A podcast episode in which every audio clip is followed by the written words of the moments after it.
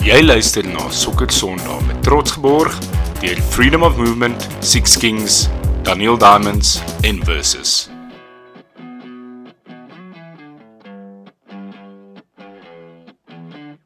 Welkom by nog 'n episode van Sokker Sondag. My naam is Christopher Falk. Ek's baie opgewonde vir vanaand se show. Ehm um, eerstens wil ek vir Christian Barnard terug verwelkom op die show. Hy was verlede week op die show. Ehm um, wat 'n great show. Net 'n klein klein um, herinnering vir luisteraars wat dit nie geluister het, gaan luister die show met Brennas. Ehm um, wat nou by Stellenbosch FC werk. Baans ehm um, jy is 'n United fan en jy het die naweek daai League Cup final ehm um, gaan beleef eerstens in Wembley. Uh what a feeling. Uh moes dit nie yes. gewees het nie. Ehm um, welkom yes. terug op die show. Dankie pappa. Daar eerstens dankie vir die uh die mooi woorde. En tweedens ja, dit was absoluut ongelooflik. Uh dis die tweede keer dat ek vir United gekyk het by Wembley in 'n final. Ek was op by 2018 um die FA Cup final teen Chelsea wat ons verloor het 1-0 um met 'n Hazard penalty wat regtig onsmaaklik was. Behalwe dat ek baie dronk was daai dag kan ek regtig nie veel onthou nie waar uh wat Sondag gebeur het was letterlik die teenoorgestelde. So dit was ongelooflik en ek het nog steeds 'n baie groot glimlag op my gesit. lekker, lekker baas. En dan het ons natuurlik ook ons dis lekker om te kan sê ons het 'n resident City fan. Ons resident City fan JP van der Merwe is terug ehm um, vir nog 'n show. JP, welkom terug. Ag baie dankie weer terug. Ehm um, vorige keer was dit oor ons finansiële goed ek weet nie of hierdie keer is net dat net dat Bonsie vir dit in my gesig kan smeer dat United is lekker trek hier in Betty. Maar baie dan get julle my weer beshow het. is julle nou weer die noisy neighbors, JP? ek dink dat jy kan so sê nie. Ehm um, maar ek meen as jy kyk na hoe United dit geselebrate het, hulle was nogal noisy geweest oor 'n oor 'n trofee wat ons amper al die City Cup genoem het. Hoor nou, hoor nou. Het boys kos kyk 'n bietjie wat is op ons agenda vanaand. Ons gaan die ehm um, die game week se results bietjie bespreek. Kyk vanaand soos ons opneem is daar nog twee ehm um, fixtures wat gespeel gaan word. Ehm uh, natuurlik in 'n in 'n double double game week en dan gaan ons bietjie stil staan by by Barnes by jou ervaring daar by Wembley en as 'n United fan ek weet jy was daar in die hospitality suite baie lani experience daar gehad so dit gaan interessant wees vir ons om bietjie net te hoor hoe jou ervarings daar was. Nou gaan ons um, aanbeweeg na die kontroversiële topik van die FIFPro World 11. Ehm um, daai award ceremony was gehou nou die 28ste Februarie. Daar's altyd kontroversiële goedjies om te bespreek na so 'n tipe van um award ceremony so ons gaan bietjie daar stil staan en dan gaan ons oor oor FPL chat. So kom ons kyk net bietjie na die naweek se resultate. Um die die die die game week het afgeskop met 'n met 'n game Vrydag aand tussen Fulham en Wolves. 'n Paar manne in hulle in hulle in hulle uh, mini leagues het vergeet om hulle spanne te verander as gevolg van daai Vrydag fixture. Dis altyd 'n uh, 'n tawwe enetjie om op die kent te vat maar julle boys moet julle alarm stel. Uh vroeg Saterdag die die vroeë game was tussen Everton en Villa. Uh Villa wat daar 'n uh, groot sege teenoor Dash se Everton gemaak het. Leeds wat 1-0 gewen het teen Ollie Watkins on fire net Ollie so Watkins on fire. Hy's hy's die eerste, ek dink hy's die eerste Villa speler. Julle moet my reg help as ek hier verkeerd is. Die eerste Villa speler wat 5 league games in 'n ry skoor. In 'n ry. Ja, dis reg. Reg. Uh, ja, was al 'n indrukwekkende rekord. En dan 'n groot Leicester home verloor teen Arsenal. Um, daai een het baie karakter gevat van Arsenal. Um, mens moet dit vir hulle gee. Um, ek was impressed met Arsenal gewees in daai game. Trossard met die assist, Martinelli met die met die met die met die winning goal. Um, daai is 'n tipiese wel 'n title challenging. Ja, Mr. Mensa ja. sê uh ja. drie punte vir Arsenal daar. Dit was taaf geweest, maar hulle het weggestap met die punte. En dan 'n baie interessante game vir my gewees en 'n en 'n lekker result eintlik om te sien. Uh die West Ham game teen Nottingham Forest. Moise het voor die game al al gesê hy's bietjie staan bietjie met sy rug teen die muur en hy weet dat ehm um, dat die media daar is om hom om hom te kap as hy daai game verloor en en dat hy waarskynlik sy job kan verloor as hy daai game sou verloor toe kom ehm um, Danny Ings en uh, en ja. het, het net 'n ongelooflike game en hy skoor twee goals en hulle het waarskynlik uh, vir David Moyes 'n lifeline gegee daarso in ja. daar by West Ham. Ehm um, Bournemouth het het sleg tweede gekom teen teen Man City. Foden se goal JP. Ehm um, what a ja. goal. Ja, nee, ehm um, dit was wat lekker om City weer 'n bietjie in die goals te sien. Um, ek dink ons het 'n paar paar loskalkies ook ook bymekaar geskraap daar wat nodig was. Um, Foden wat lanklaas ordentlike minute gekry het. Um, was baie lekker om hom weer op die score sheet te sien ook. Um, en ek meen daai goalkie wat hy geskor het was ook almal lekker om te kyk. Mm, was baie goed gevat daai goal ek moet sê. Ja. Foden het net sulke hy hy kry sulke oomblikke wat hy unplayable is. Ek onthou 'n paar mm. seisoene terug. Ek dink dit was nog ehm um, agter geslote deure sonder fans wat hy op Anfield ehm um, ja, vir Liverpool ja, van die veld af gespeel het. Ehm um, Daar is the making of him, sal ek sê. Daai ja, game. Ja. En as hy so speel dan sy unstoppable vir my. Ehm um, kom ons yeah, kyk exactly. dan na die res van die results uh, ja, gepraat van Liverpool 'n baie frustrerende ehm um, 0-0 draw daar by Selhurst Park teen Crystal Palace. Dit was ontsettend moeilik om te kyk daai, maar jy vat jou punte nou maar van waar of ook al dit kom in hierdie ehm um, in, in hierdie stryd vir die top 4 op die oomblik en uh, Spurs wat wat vir Chelsea 2-0 gewen het. Ehm um, ja, natuurlik net so Ja, wat?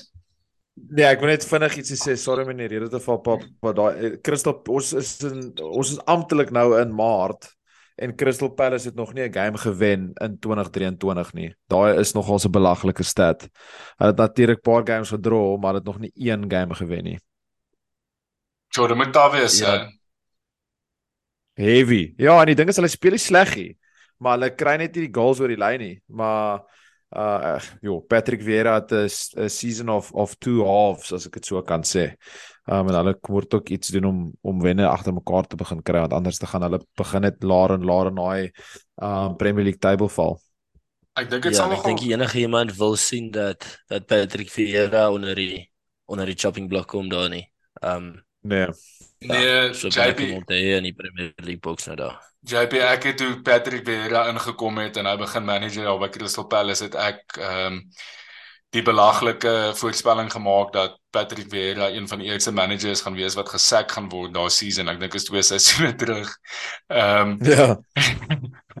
en hy het actually baie goed gedoen en en right. alles van 'n ontsettende defensive en 'n yeah. span gekry na 'n baie exciting span. Ek sien ehm um, dis die eerste keer in 'n baie lang tyd wat ek vir Eze en Olise op dieselfde in dieselfde um, span gesien het. Uh dis twee baie exciting talents daai. So ehm um, ek dink vir Crystal Palace is dit belangrik om daai twee mannetjies en vir Zaha fit and firing te kry vir hulle om net bietjie goals weer aan te teken en om wenne oor die lyn te kry. Ja, ek dink hulle kort regtig letterlik hierdie somer net 'n striker want Wolf is ook nou beseer en is draak ook nou al ouer. Mm. Uh en dan dink ek hulle kan actually nogal heel okay wees. Ehm um, maar ja baie ja, baie moeilike 2023 vir hulle. Ja. Exciting span, maar soos julle sê, kan die games wen as jy nie daai goals in kry nie. Ehm um, nee. En ek meen ek dink hulle hulle op die oomblik nog nog heeltemal te veel staat op za om daai goals mm. te kry. Mm. Beseker.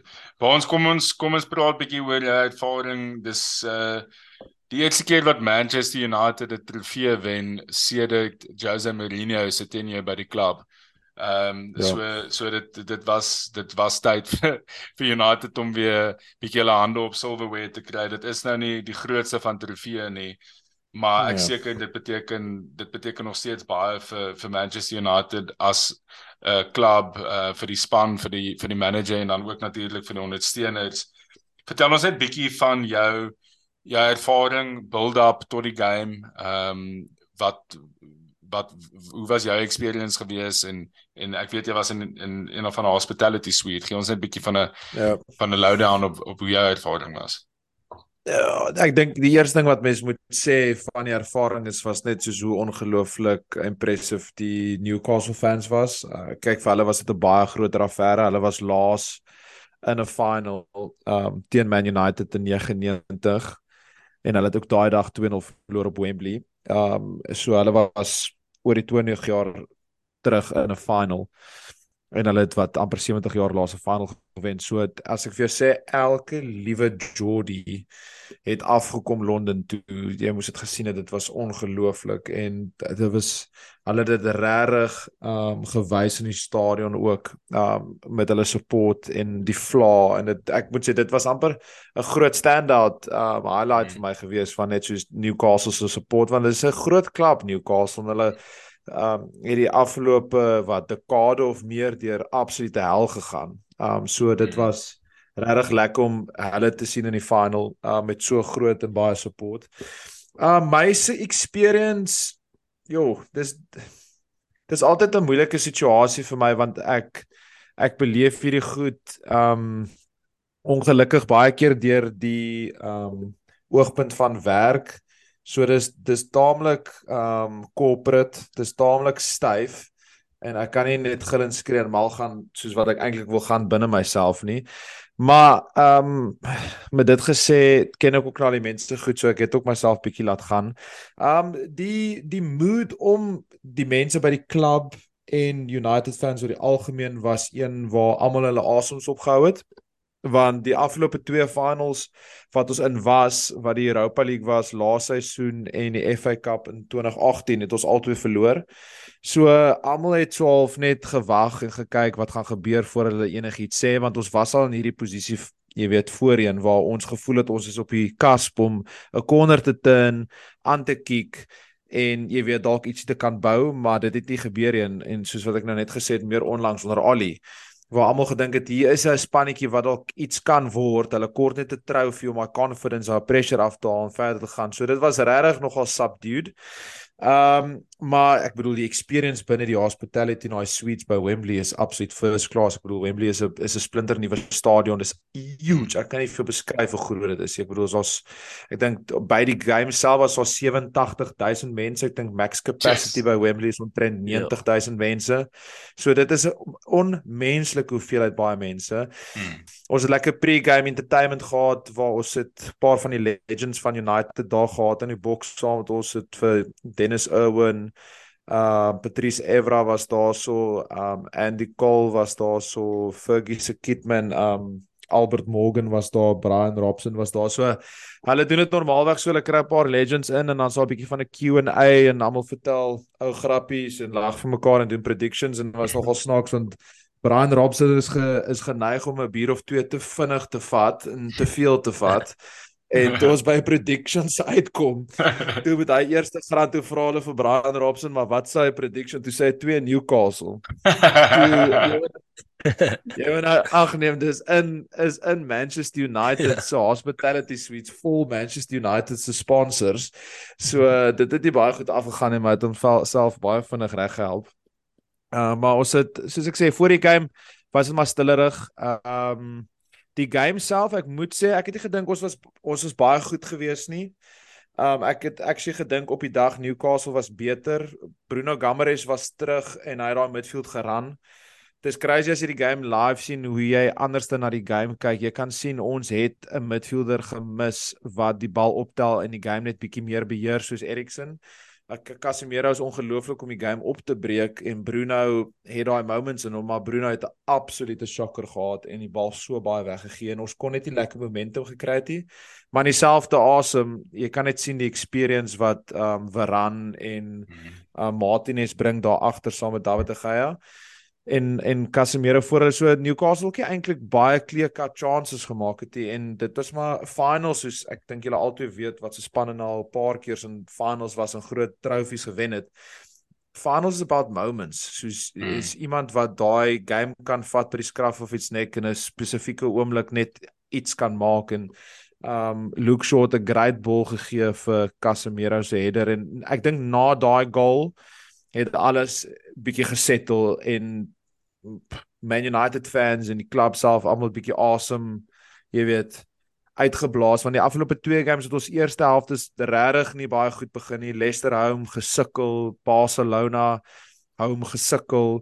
Um so dit het 'n groot verskil gemaak en toe daai tweede goal wat net lak was, ek bedoel bietjie bietjie incredible skills van Rashford in die lug wat hy die bal aangegee het vir vir Weghorst as mense nog nie daai video gesien het gaan sien dit op um, Twitter is. ja, dit was dit was 'n amazing.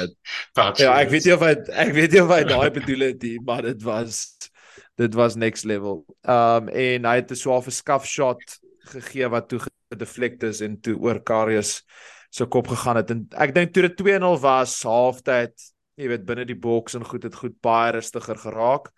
En die hmm. tweede helfte was maar baie baie same of the first. Daar was nie baie clear cut chances nie. Bruno moes 'n paar keer gepas het om te geskor het. Maar ja, die na die tyd, ehm um, ek sal ek sal eerlik wees en sê dit dit ons het nie belaglik geselebreit en mal gegaan nie. Ek dink dit was regtig een van daai waar dit is net 'n verligting. En ek mm. ek dink dit valkie dit was dieselfde vir Liverpool fans toe Klopp haar eerste trofee gekry het waar jy net soos jy weet die span het die die potensiaal om iets meer te wees maar hulle kort daai agter die rug om die druk af te haal en net aan aan te kyk. So jy het gehoor ook wat Erik ten Hag gesê het na die game en ehm um, hy het gesê dat jy weet dit is maar nou net dis dis nou een ja. van vele wat nog gaan kom. En ons het dit so gevat, maar ons het hard gepaar hier na die tyd. Dis dis verseker. Maar dis reg, hè. Ek ek ek ja, hoop jy, ek hoop jy het lekker gekuier na die tyd. Oh, abs absoluut. Ek ja. bedoel, was die eerste keer wat ek gedrink het in uh amper 2 maande, so dit was absoluut fantasties geweest. ons het ons het ons is met 'n bus uh, terug hotel toe en hulle in die hotel het hulle soos 'n uh, gedeelte van die hotel vir ons uitgeboek. Yes. Um en daar was 'n daar was 'n DJ en lekker canapés en lekker drankies en toe ek weet nie hoe hulle dit gedoen het. Ten daai tyd was ek nog ons nog ons taamlik onder die prop. Onder die bottel. Ja. Dit hulle ek hulle het 'n trofee daar aangebring wat hulle nou gesê het die League Cup is. Maar toe ek op social media kyk, dis die fucking League Cup ook op 'n vliegtyg op pad Manchester. So ek dink hulle daar vir ons 'n fake Hulle het vir ons 'n fake trofee daar aangebring om fancy te lyk, like, maar ons het obviously aangegaan asof dit die regte ding is. Die ding het mense het self security gehad vir die fake trofee. Dit was um, maklik om vir iets te sê as jy weet hy's onder die prop. exactly. Hulle hoef dit eers vir ons te gesê het. Ek dink ons was net impressed. So ja, dit dit dis um dit was fantasties. It's amazing om 'n trofee te wen. Hierdie span het ietsie anderste. Mm. Ek jy kan dit sien, jy kan dit voel. Daar's 'n togetherness. Um daar's karakters, daar's byt die manager sê die regte goed. Ehm um, so ja, ons is baie optimisties en dis dis dis flippe lekker om in hierdie situasie te wees. Die die crazy ding is net hulle speel vanaand weer. So hulle het skaars kans gehad om te celebrate ehm um, wat dalk 'n goeie ding is. En ons speel vanaand West Ham in die FA Cup en dan Sondag speel ons Liverpool. So die games hou nie op nie. Ja. Ons moet nou aangaan. En ons draai dan vat, maar ja, ek is ek is laaste ding op dit ek is ek is ongelooflik bevoorreg om hierdie goed te kan beleef en ehm um, dit dit was absoluut amazing. Ja, ek dink daar's 'n daar's 'n ervaring wat wat wat enige fan sal oor droom. Ehm um, kom ons kom ons praat 'n bietjie oor Newcastle want ek dink vir hulle jy het nou jy het vroeër toe begin gesels het oor die ervaring waar ons het verwys na hulle hulle fans en hulle ondersteuners ja. en die afgelope ja. en en die ongelooflike gees wat hulle gewys het. Ek meen ons almal het die video's gesien van Trafalgar Square en hoe hulle dit dit oorgeneem het die Jordies daar oorgeneem het. Ehm um, ek dink dit was bietjie van 'n slegte tyd vir hulle om 'n final te draw. Ek meen St Maximan is nog nie nog nie fully fit nie. Kumaris het ook nog onlangs weer teruggekom. Wilson is nie firing nie. Almiron is nie op ja. sy op sy beste nie. Ehm um, so ek dink die die dun squad vir Karius en en keeper te hê. Yes bro, dit is dis die dis die hoogtepunt van daai. Ehm um, ek dink die dun squad het, het is besig om sy kop bietjie uit te steek. Ek meen hulle is ook nou vir die eerste keer in 'n lang tyd uit die top 4 uit in die league. Ehm um, maar wat vir my ongelooflik was en wat ek gesien het van na die game die ehm um, onderhoude wat gevoer was met die met die met die ondersteuners was hulle is net so bly om daar te wees. Want as jy ja. 'n paar jaar terug gaan, ehm um, onder hulle vorige ownership, het hierdie ouens letterlik uh, Newcastle het cup games gegooi om seker te maak hulle word nie gerelegated in die Premier League nie. So ek dink die ja. die fans, die Newcastle fans is is net so verheug gewees en ek het gelees hulle het ook lank na die game nog gebly in die in die stadion Ek weet nie baans of jy dit Hulle het. Ja ja, nee, hulle het, hulle het, hulle het. Ehm um, en en dis is ook seker maar net 'n bietjie van 'n van 'n van 'n teken van hoe opgewonde en bly hulle is om om hulle span net weer te sien compete en en deel te wees van half die groot stories in voetbal. Ja, ek kyk hulle het, hulle het, hulle het ook nie net opgedaag in die in die in die bas gepak en gesit en gekyk hoe United vir hulle probeer sto ehm um, um, steamroll nie. Inteendeel, ek dink Bruno Gammares um met paar van die ouens in die midfield het, het grootendeels van daai game geran. Um, oh, ons kan vir jou sê die stats die hulle 62% possession gehad. Ja, exactly. Ja, exactly. Dus, dit is um Sin Maximan het vir het vir Dallo die mekaar gehardloop tot op die punt waar halftyd moes afgehaal geword het en Wambasaka moes opgekom het. So hulle kon net nie daai edge gekry het um om jy weet 'n clear cut chance te kry om 'n goal te te maak nie, maar hulle hulle hulle was incredible en ek dink Eddie Howe verdien om daai span in die final te gehad het. Dit was maar net op daai dag was dit nie hulle dag nie. Dalk was die die druk ook maybe te veel van jy weet al die fans en hulle het 70 jaar laaste trofee gewen 25 hoeveel jaar terug in 'n final gewees en dit was dalk net bietjie te veel maar Newcastle soos wat sit jy ook op daai tyd hulle gaan definitief weer in finals wees dit kyk jy beloof. Mm. Nee, ek eh, om om buite laas by wat dit wat jy daar sê is dit sou vir United baie seerder gemaak het om daai game oh, te verloor man. as wat dit vir vir Newcastle gemaak het. Massively. Dit sou seker alles omgeflip het na druk, jy weet, dit sou gesê het maar ja. jy weet alles wat ons gedoen het tot op hierdie punt beteken mm. niks nie. Mm. So ek stem 100% saam met jou. Ja, ehm um, en ek dink ook ek meen die game was so ongelooflik lekker om te kyk oor daai wat Newcastle baie van die game beheer het en hulle het heel pad deur exciting gelyk. Um so my sê tot die in die 80ste minuut gevoel so een goal ja. nou so in Newcastle se kant toe kan ja. kan die game swaai weer. Um ek het ook so gevoel. Ja, ja en en dit het dit lekker gemaak vir almal om te kyk. Maar ek voel dit is 'n ding wat hulle nou op die oomblik 'n bietjie bietjie in die Premier League ook laat sukkel mm. is net daai om die bal in die boks te kry. Wilson Wilson mis 'n bietjie op die oomblik. Um Isak wat wat opgekom het, hy het 'n verskil gemaak, maar ook nie heeltemal op sy skerpste op die oomblikie. Ehm um, ja. en ek voel dit het hulle 'n bietjie gebyt waar waar hulle regtig vir my 'n goeie game gespeel het. Ehm um, was dit net daai daai finale derde waar hulle 'n bietjie gesukkel het. Ja, en ek dink die gevaar is nou dat hulle in die Premier League nie te vinnig en te ver moet afdrop nie. Kyk, ek ons het al gepraat oor Newcastle in die, in die Premier League en dat dit nie noodwendig vir hulle op hierdie stadium gewens sal wees om in die Champions League te speel met die squad wat hulle het nê. Ehm um, hmm. maar hulle wil ook nou nie 9de, 10de toe drop nie. Ehm um, so Ja, of in die Europa League beland nie. Wat is dan die Champions League, jy weet. Ja. So uh, Ja, die ding is hulle speel City die naweek, so dit draak nie makliker vir hulle nie. Nee, dit is 'n massive game wat opkom. En ons kan nou net bietjie daaroor daaroor gesels. Ek okay, so daar is elke jaar mos nou maar 'n paar verskillende groot award ceremonies en die een met die kakse naam bever is the best FIFA football awards. Ehm um, dis die een ja. wat nou so baie nog teruggehou was. Uh the best FIFA football awards.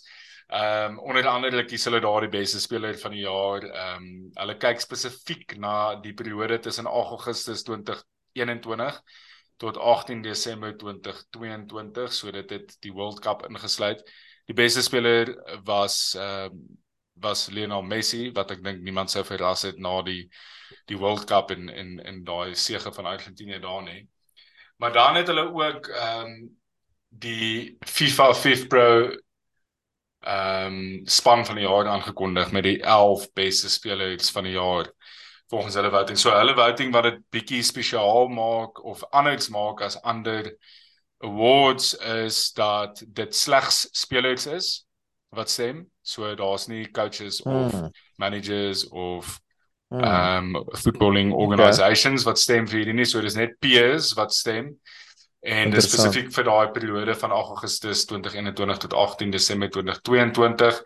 Jy moet jy moet stem vir uh drie goalkeepers, drie defenders, drie midfielders, drie forwards, dan word die beste goalkeeper, die drie beste defenders, die drie beste midfielders en die drie beste forwards. En dan die ander speler met die naaste meeste votes word dan in span gekies. So dit is net bietjie van 'n verduideliking van hoekom hierdie hierdie shape of hierdie hierdie ehm um, die span so uiteengesit is want die span is heeltemal lopsided. As jy kyk na dit in goals het ons vir Courtois wat natuurlik daai man of the match performance in die Champions League final gehad het teen Liverpool. Ja. Ehm um, ons gaan nou ons kan nou 'n bietjie praat oor controversy rondom dit. Uh Cancelo wat nou onlangs van City geskuif het na na Bayern Munich toe. Virgil van Dijk, ehm um, Hakimi wat so goed gedoen het met Morocco, Casemiro ehm um, wat wat op die oomblik besig is om om amazing seisoen by United te De Bruyne, Modric, Mbappe, Haaland, Benzema en en Messi. So dis die span frontline. so dis 'n ja. dis 'n gevaarlike span. Frontline is 'n joke.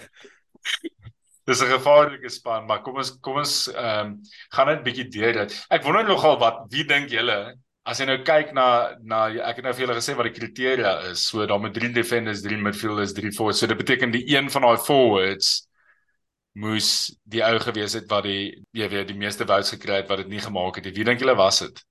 Van daai vier forwards. Dit, ek voel dit moet dit moet Haaland wees. Ek meen die ander die ander drie dink ek was die drie contenders vir die beste speler van die jaar.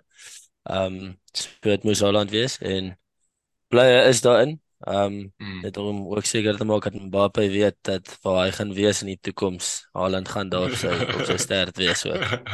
ek ek dink is 'n goeie shot. Ek dink persoonlik Haaland Haaland moes nie in daai span gewees het nie en ek sou Haaland uitgehaal het en ek sou 'n ander defender ingesit het net om dit bietjie meer realisties ook te gemaak het van 'n formation perspektief af. Ek bedoel as jy kyk na ouens soos uh Rudiger wat laas seisoen uitstekend was uh vir Chelsea en toe die move gekry het Real Madrid toe. Ek dink of, of is hy al toe klaar by Real? Ek kan nie onthou nie. Hy al toe klaar by Real? Ek weet nie of hy die die Champions League final gespeel het nie. Ek moet gaan kyk. Nee, hy was ek het ek het ek het vir daardie bietjie gaan kyk. Hy was hier in die in die Champions League squad. Mm. Okay, mm, okay, so hy was hy was was hy toe nog by Chelsea gewees? Ja, hy het nog geskuif dink ek, maar ek dink hy was kaptein gewees dalk. Ja, Want ek ek dink ek dink uh, verlede seisoen kon jy nog kaptaat gewees het in die in die in die tweede helfte van die seisoen met Champions League. Ek dink jy kan meer nou nie. Ehm um, maar Baans is 'n goeie shot, maar daar's 'n paar ouens wat ek dink daar span. Ek dink Thiago Silva is ook nie 'n slegte shot. Ehm um, vir daai spot gewees het. Ever Evergreen, Evergreen ja. Thiago Silva, daai ou raakie ouer hier. Ehm um, maar kom ons kom ons praat oor Courtois want dit is eintlik 'n kontroversiële um, interessante ene ene daai want baie wat Emmy Martinez was by dieselfde award ceremony uh toegeken met die met, met die prys vir beste goalkeeper. Vir dieselfde ja, periode maar hy's nie in die maar ek, ons ons het nou net gekyk hoe daai ouens gestem het vir die beste goalkeeper en beste speler so dis dalk ja weet dis dalk nie noodwendig die speler iets ehm um, Courtois ons sien bietjie min van hom om te kan sê consistently ehm um, of hy daar moet wees, maar daai Champions League final performance. Ek weet nie of julle dit onthou nie, maar Liverpool het actually daai game gedominate. En daar was 'n daar was 'n oomblik gewees wat Sadio Mane 'n uh, shot, 'n baie goeie snapshot afgepoel het wat in die bottom bottom right corner was wat Courtois gesê het en toe dit gebeur het, toe weet ek was 'n manier Liverpool wen in die game. Hierdie ou is net 'n superman vanaand. So ek voel soos vir daai performance alleen verdien hy dit om daarin te wees. Maar as die teenargument het jy dan ook vir Emmy Martinez wat daai save heel in die laaste paar minute van die World Cup final gemaak het wat een van die beste hmm. international games nog ooit is. Ehm um, en daai save moes gemaak geword. Dit anders was dit weer gelyk op gewees as ek reg onthou dan sou hulle penalties toe moes gaan nê. Nee in in extra time as ek reg onthou of ja, hoe daai hoe daai uitgespeel of sou hulle dan gewen het Frans Nee Frankryk sou hom gewen het maar daai Frankryk sou hom gewen het. Ja hulle het ja, penalties um, gegaan ja. maar ek voel dit is bietjie waar die kontroversieel kom. Ek dink gewoonlik of in die vorige jare was was die goalkeeper altyd nog 'n redelike uitstaander gewees in Ekasias en Neuers wat hierdie seisoen mm uitstaanend die beste keeper in die wêreld was waar ek meen daai performance van Courtois in die in die Champions League final was iets absoluut belaglik. Maar in die opleiding tot die final was dit ek dink iets soos twee of drie keer nodig geweest vir vir Madrid om comebacks te maak oor hulle het nogal baie goals ingelaat um in die in die lead up tot die tot die final. Um so ek meen dit is iets om ag te neem en ek meen Martinez mm. was uitstekend geweest vir Argentinië in in amper alles laas jaar en ek dink hy is 'n bietjie kort geknip met dit um deur die feit dat hy nie vir 'n groot klub speel nie en ons almal weet Aston Villa face maar baie shots en hy hy doen goed maar ek meen hulle laat tog nog steeds redelik baie goals in. Um so ek dink hierdie jaar was dalk een van die moeiliker jare mm. ooit om 'n keeper te kies en ek meen dit mag dalk ja. wees hoekom dat daai split is tussen die beste goalkeeper en dan daai keeper maak dit nie in die in die beste 11 in nie. JB ek wonder of ek wonder Ekskuus by ons gaan net. Nee, ek ek wonder maar net of die feit dat Emmy Martin 'n so kontroversiële karakter is. Presies wat ek wou sê. Jy, ja, ja, jy weet die die sy sy mede professionele sokkerspelers se opinie laat beïnvloed of hulle hom gestem het of nie. Die goed wat hy met Mbappe is soos gesig uitgekerk binne Ja.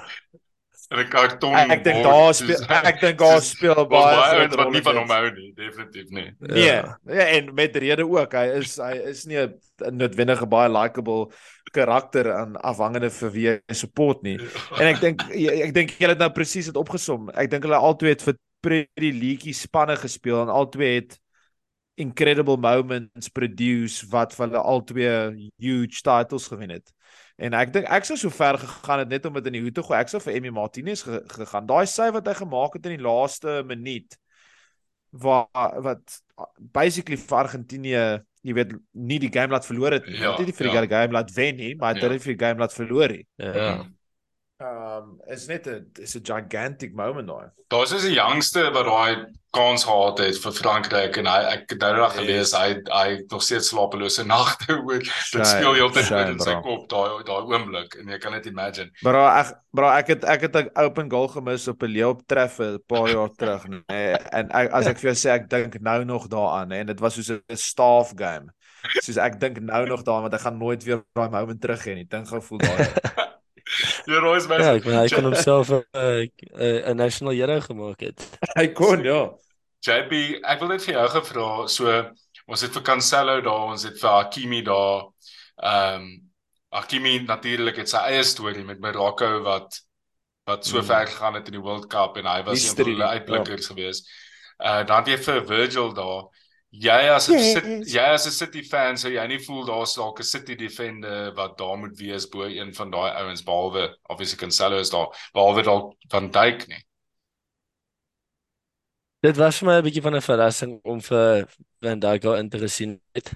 Um maar dan tesame dat die die sit in wonderlike bietjie weke in daai plekke in sou gooi. Um en ek meen iemand soos 'n Ruben Dias wat wat 'n huge season last season gehad het. Um behalwe Premier ookie regtig hy hy hy het niks heeltemal bereik aan daai kant hier. So ek meen ek het die gevoel dis billik om vir hom daarin te sit nie.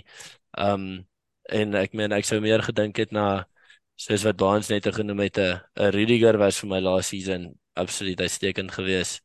Um dis hoekom ek spesifiek gaan kyk het of hy deel was van daai Real Madrid span. Mm. Um Maar ek meen Rudiger was my uitstekend geweest. Jy sê Thiago Silva was ook goed. Ek sou selfs vir vir albei 'n shot gegee want ek meen dit mag dalk 'n bietjie biased wees net oor ons soveel uitstekende of uitstekende seisoene nou eintlik al van Van Dijk gesien het oor die laaste 3, 4 jaar. Um dat last season maybe is 'n bietjie van 'n disappointing season gevoel het. Um of dalk is dit net oor die laaste ruk was wat hy baie goed um en ek meen hy spesifiek was vir my ook baie impressive die laaste ruk nie dat dit maak dat mens dalk vergeet hoe goed hy was 'n jaar terug. Um maar ja, einde van die dag, ek het ek het aanvanklik nie gedink hy hy hoor dan nie dit was 'n bietjie van 'n verrassing, maar ek ek ek voel nog steeds ek meen as die spelers hom gekies het daar dan se dalk iets wat ek mis. Hy hy is tog maar uitstekend. Ek dink nog 'n nog 'n naam wat in daai hoed gegooi moet word wat ons um laasweek vinnig bespreek het op die show en Jacques hom um opgebring en ek weet nie baie van hom nie, maar sy naam klink dieselfde as Guardiola is Guardiol. Guardiol wat vir wat vir um ek dink hy speel vir Leipzig um en hy speel vir Kroasie en hulle was mm. hulle was ook natuurlik ver in die in die World Cup gegaan. Um en hy's maar 21 en hy is op hmm. baie kort lys gewees vir die FIFA Pro. So ek dink al verdien hy alkie om nou in die span te wees nie. Um is dit 'n naam wat ons almal moet dop hou want ek is seker kom die somer ja. gaan al drie van ons klub seker ge, gelink word met hom. Verseker ek, ek net net om terug te kom op die defender topic en en op van Dijk. Ehm um, en JP het 'n belangrike ding nou geraak is die recency bias. Mens moet mens moenie vergeet mm. dat Liverpool baie amper 4 trofee gewen het verlede seisoen nie en Virgil was ja. die die fondasie ja. van daai defense nie. Ek meen hulle het die FA Cup en die League Cup gewen. Hulle het tot op die laaste dag in die Premier League nog compete en hulle het in die Champions League van hulle game verloor wat hulle nie moes verloor het nie. So ek dink ehm um, dit alles in ag geneem verdien hy sy plek daar. Maar as mens net kyk wat die drop off was die afgelope tyd in die Premier League en ons sien dit elke week dan is dit moeilik om te verstaan hoekom van Dijk daar is en ek dink dit is waar daar baie jy weet bietjie bietjie pushback sal kom van die van die keyboard warriors op Twitter af byvoorbeeld vir die ou soos Virgil wat daar is. As jy deur die res van daai span gaan, daar's is daar iemand wat jy wat jy na kyk wat jy dink nie daar moet wees nie of 'n ou wat unlucky is om is om nie die span te maak nie. Ek voel ek ek dink die span sien aanvanklik die dink ek al moet ten minste 'n bietjie mention wees. Uh eerstens in daai daai attacking vier Vinicius Junior was absoluut belaglik geweest deur die hele Champions ja. League last season. Ja. Um vir my goeie World Cup ook gehad. Um en dan ook Jude Bellingham um mag dalk wees net oor hy so baie spotlight gevang het oor hy so jonk is maar ja. en daai absolute belaglike 2022 gehad. Hy hy captain nou 'n uh, 'n huge span in 'n foreign land waar hoe goed hy gedoen het daar. Um en ek meen op daai ek was amper 'n bietjie verbaas oor oor oor Casemiro want ek het weer toe probeer dink ek kan nie onthou dat last season so uitstekend was hy maar ek meen net om te sien wat hy wat hy op die oomblik beteken vir die United span. Um en ek meen dit word hierdie spelers gekies hierdie span. Um en ek meen dit is redelik duidelik wanneer hy nie daar is nie dat dit amper hele drop is in die span. So ek mhm, meen dit ja. dit maak sin dat die spelers vir hom gekies het. Ja. Jy kon jy kon amper daai hele midfield hier daai hele Real midfield gevat het. Ja. Um, ja, ek bedoel alle al drie het wat 5 Champions League saam gewen. ja. Maar maar maar KDB is maar net 'n uh, 'n cut above um Tony Kroos as dit kom met met goal en assist contribution en hy het ook die passing range van 'n Tony Cross. So nee, daai midfield vir my is ek dink nie ek kan enigiemand anders in daai midfield. Oh, en net in in solid lovers. Ek sal dit lovers KDB ook Tony Cross lank ewig het. Ja, ek dink hy gaan nie. Uh, dit wat 'n interessante stat oor hierdie span is is die eerste keer sedert 2007 wat Ronaldo nie in hierdie span is nie. Uh, oh wow. So ja, dit is dit is nogal so interessant en dan en aan die ander kant van die van die coin is weer niemand anders is al meer as Lionel Messi in die span gewees nie. Dis sy uh, sy 16de keer. sy 16de keer in die span. Goeie genade. Dit is belaglik. So, en dan gaan seker weer die Ballon d'Or ook wen hierdie jaar. Ek weet nie vir hoeveel hoeveelste keer dit gaan wees nie. Ja. Kom kom ons praat 'n bietjie Yes, JP. 16 jaar is net klaar so 'n ongelooflike lang kariere en om in um, elkeen van daai 16 jaar in die beste 11 spelers in die wêreld te wees. Belaglik. Unbelievable. Dit is regtig next level. So kom ons praat 'n bietjie oor fantasy boys. Ehm um, ons is natuurlik in die middel van 'n van 'n double game week uh, wat nou soos ons praat, ehm um, gaan die laaste fixtures gespeel word. Arsenal speel nou teen Everton. Liverpool speel teen Wolves dan gaan game week 25 verby wees en ons kyk vorentoe na game week 26 die fixtures die grootte wat ons genoem het is ongelukkige early kick-off. Ek weet nie hoekom hulle dit gedoen het nie maar as Man City teen Newcastle in die early kick-off Saterdag ehm um, daai gaan 'n massive game wees. En dan natuurlik het ons Sondag ehm um, vir Liverpool teen United wat vir United 'n massive oh. game is um, om hulle dominance te cement teenoor Liverpool hierdie seisoen. Hulle dit sal groot wees vir hulle om 'n double. Ek kan nie onthou van laas United 'n double double oor Liverpool ja, genoem het nie. Ehm um, en vir Liverpool om die game te verloor sal waarskynlik die einde wees van hulle top 4 chances. So ehm um, dis 'n groot naweek en 'n groot naweek vir fantasy. Uh daar's 'n paar lekker fixtures wat mens kan target. Uh Baans, waarna kyk jy op hierdie stadium van die geveg uh wat fantasy aanbetref? Dis een van die min game weeks wat net 'n gewone single game week is. Dis nie blanks nie, nie doubles nie. Wat is jou planne? Kyk, dis 'n vir my 'n bietjie van 'n moeilike ene want dit is 'n stillerige naweek, maar die naweek daarna is daar 'n double game week. So die die vraag wat jy vir jouself moet afvra is kan jy nou al transfer maak om jouself te prep vir volgende naweek of hou jy transfers mm. om jy weet volgende naweek jou moves te maak vir die double want ehm um, daar's 'n paar lekker doubles. Ehm um, ehm um, twee spanne het het flippe lekker double game weeks in in Brentford ehm um, en Brighton. Ek bedoel Brentford speel Ev Everton en Southampton en Brighton speel um Leeds en Crystal Palace en die groot vraag daar is is net wat van Ivan Toney. Ek dink dit vandag of gister gebreek ja. dat Ivan Toney ja, skuldig is van die van die um betting allegations. Hy skuldig gepleit. Gepleit, daar's hy. Mm. Um so ek, ek bedoel dis waarvoor ek wag. Is net wat gaan met Ivan Toney gebeur. Ek, ek mm. kan nie dink dat hy gaan feature nie. Ehm um, so daai speel vir my 'n uh, 'n baie groot rol. Vir hierdie naweek sal ek taamlik laag lê en dan volgende naweek maar moves maak met die double game week. Maar dit is maar die die groot sprake en, en nog 'n ding en dis maar nou die die FPL fucking online pages wat dit maar stook is net klomp mense het forcibly moves gemaak om double game week spelers in te kry um onder andere Liverpool en um Arsenal assets wat op die oomblik nie te great perform nie. So baie be mense begin 'n uh, wildcard um happy raak of trigger happy raak. Ja, so daar is maar die twee groot goed wat ek sal sê wat op die spel is op hierdie stadium van fantasy. JP, wat hoe lyk jou oor se planne vir die game week wat voor lê? Ja, wel, ek meen eerstens ek ek haat 'n early kick-off. Um ek ek ja, is lekker nie. Hat 'n liedjie kof en dit gee ook nou weer die potensiaal om 'n om 'n naweek op te neem nog voordat hy begin het. Mm. Um baie goeie punt. maar ons ons hoop maar vir die beste daar teen Newcastle. Um ek verkies dit as die Stormers dan speel, soos half 3 in die middag ja. op Saterdag.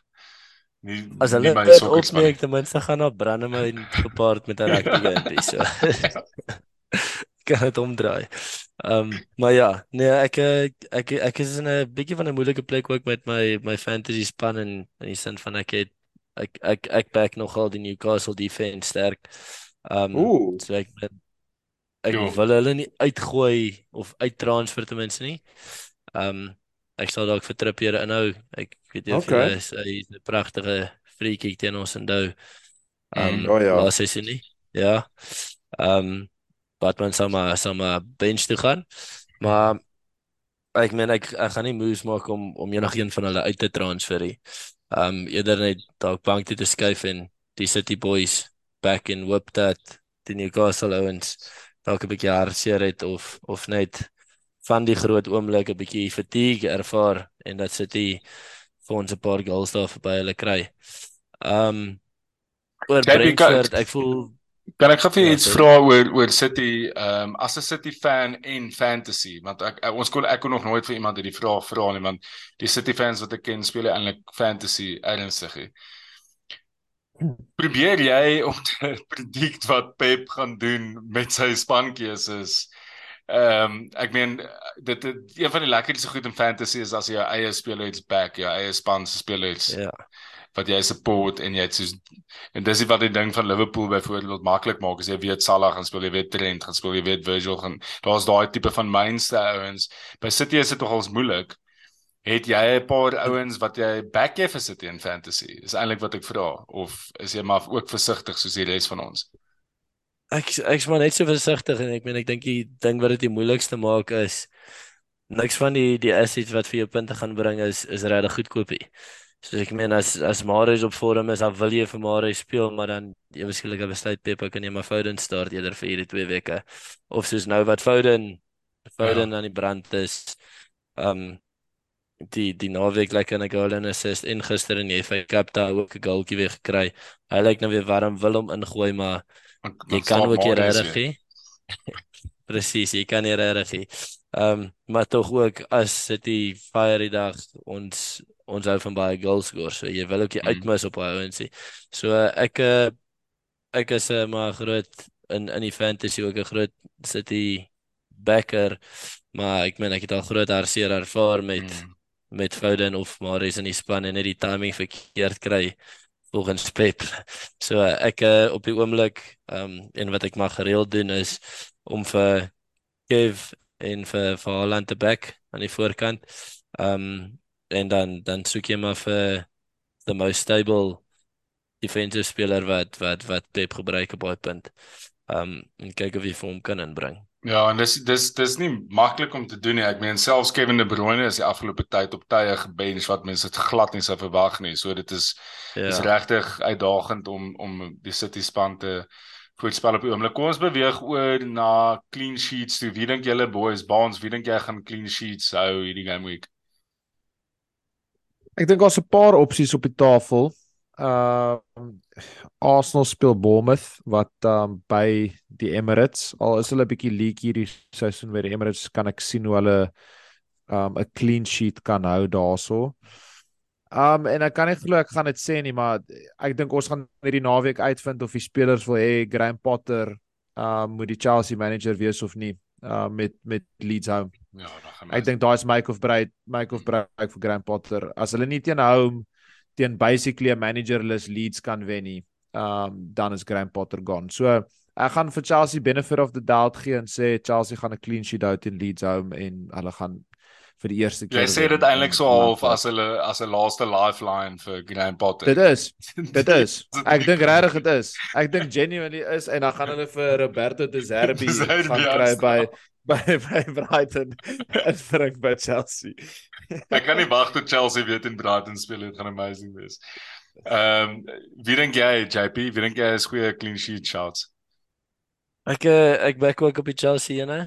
Ehm um, ek voel net van van daai wat ek nog genoem het oor oor dit vir Potter en make of break is.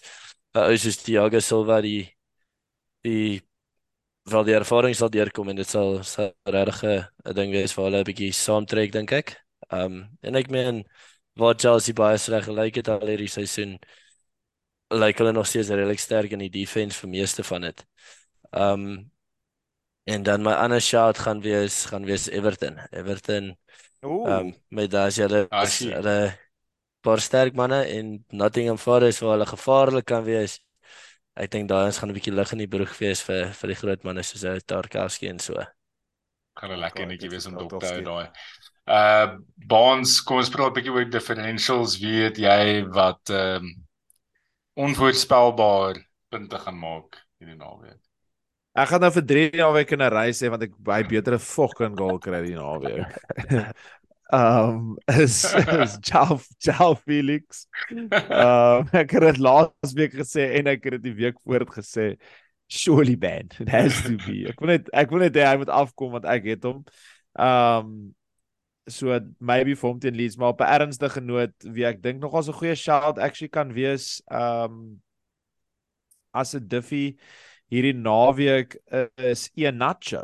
Uh, oh. ek dink hy kan nogals um 'n lekker move maak hierdie naweek teen 'n baie sukkelende Southampton en 'n guy sit op 'n ownership van 1.7%. So hy kan nog as jy wild in die broek is, gooi een Nacho in jou span.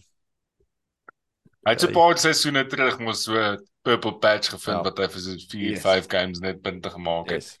Ehm yes. yes. um, JP Winning guy is die is die differential vir die game week. Ek dink 'n differential ou wat ek 'n mal is om oor my fantasy te hê. Um wat altyd ook 'n hartbreek met beserings is is Reece James. Voel as, as Chelsea uitkom om vir Potter te te back die naweek en en James is is op die veld dan teen Leeds managerless hulle hulle mag dalk sukkel met 'n overlapping run en en net nog 'n 'n hmm. James storm loop aan die boks in. Um ja, Ja, hy was bietjie ongelukkig afgelope tyd met met beserings, Elise James, maar as hy fit is, is hy ja. definitief een van die beste right backs in die game.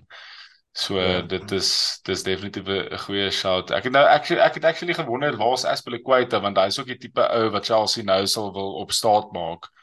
Ehm um, in hierdie moeilike Ek dink hy's beseer. Ek dink hy is ook Ek dink hy's beseer. beseer. Ja, hy's beseer ja. So dit gaan swaar daar so Grandpa ter backs against the wall. Ehm um, hy moet 'n result kry so die game week. Kom ons So daai ja. kom ons kom ons praat oor Cappies. Ehm um, Bonds, hoe voel jy? Dis nogal se dis nogal 'n tawe enetjie hierdie. Ehm um, sien hulle dat Newcastle met hulle goeie defense by City gaan speel. Ehm um, en dan Liverpool speel speel teen United. Arsenal het 'n paar kandidaate dalk wat wat Bournemouth home is. Hoe voel jy? Eerlikwaar, ek weet nie.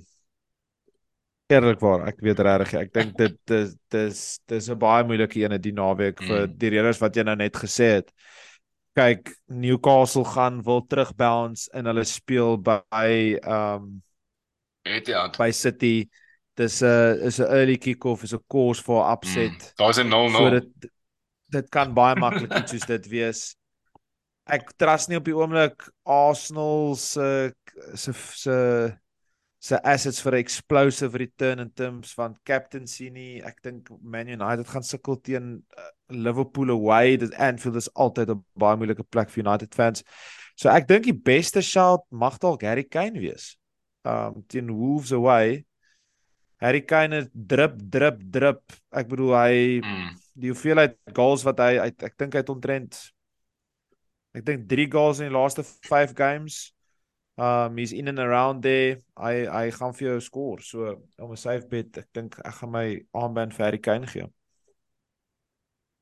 En dan was met ook maar 'n bietjie kyk vanaand uh hoe Wolves doen teen Liverpool yes. away. Yes. Afhangend Yes. van daai performance, ek weet hulle defense is maar leaky. Uh, maar ek dink daar's 'n Mm. goeie shot. JP? Ja, nee, is 'n moeilike een. Ehm ek dink Newcastle mag dalk 'n bietjie shaky wees na na die week wat hulle nou gehad het.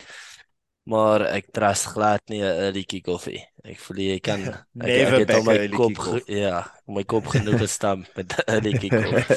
Ehm so uh, ek dink ek gaan ek gaan my trust sit in in Arsenal ook afhangend van hoe dit gaan vanaand. Ehm op wie hy gaan. Maar ek dink ek gaan my trust op op op Arsenal sit teen Bournemouth. Ehm ek meen met wat ek gesien het in die City game teen hulle nou laas naweek is baie van ons goals was ook mistakes van hulle agter. So uh, Mm. ek dink daar hulle het dalk 'n kans om 'n paar paar goals in te glip. Mm. Dit dis Ja, amper so of soos- dis amper een van daai game weeks waar mense 'n goeie back wil captain. Ehm um, Jy wil. Ja. maar Arsenal het nie daai ou. Arsenal het nie eintlik daai ou op die oomblik nie. Hulle het nie daai daai back wat vir jou 'n assist of dalk 'n goal uit nêrens uit kan skoor nie. So dit is baie Ja. moeilik. Dis 'n moeilike game. Dis 'n dis 'n tawe game week. Ek ek dink nie dis 'n Ja, game maar week waar mense kanse of iets moet vat nie. Ek dink jy moet jy moet Nee, nee, nee, nee. transfers Veral daar veral wat jy as jy kan. veral wat wat wat die volgende naweek kom. Mm. Ek dink ek sal Arsenal ek sal Arsenal back. Kom ons kyk wat gebeur vanaand. Maar weer eens ek ek kan dit nie hulle het nie iemand daai wat jy gaan soos oh dis dit is guaranteed die hierdie ou Ja. gaan ontplof nie. Want dit is wat Ja. my soek in 'n captaincy is julle punt. Ja.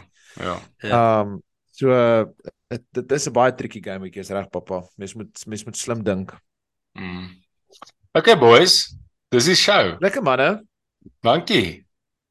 Lekker manne. Dit was lekker geweest. JP. JP baie dankie. Ongeag ons ons issues met load shedding hier in um, in Gauteng en die het ons dan heel lekker gesels. Ehm um, dankie dat jy weer op die show was. Baans, dankie vir jou uitvarings wat jy gedeel het oor jou Dankie vir jou. oor die League Cup final. Cheers manne. Ja, is lekker jaloers op jou dan baie dankie man dat julle my weer gehad het. Ek uh, dit weer eens baie geniet. Dankie JP. JP. Ja, bye.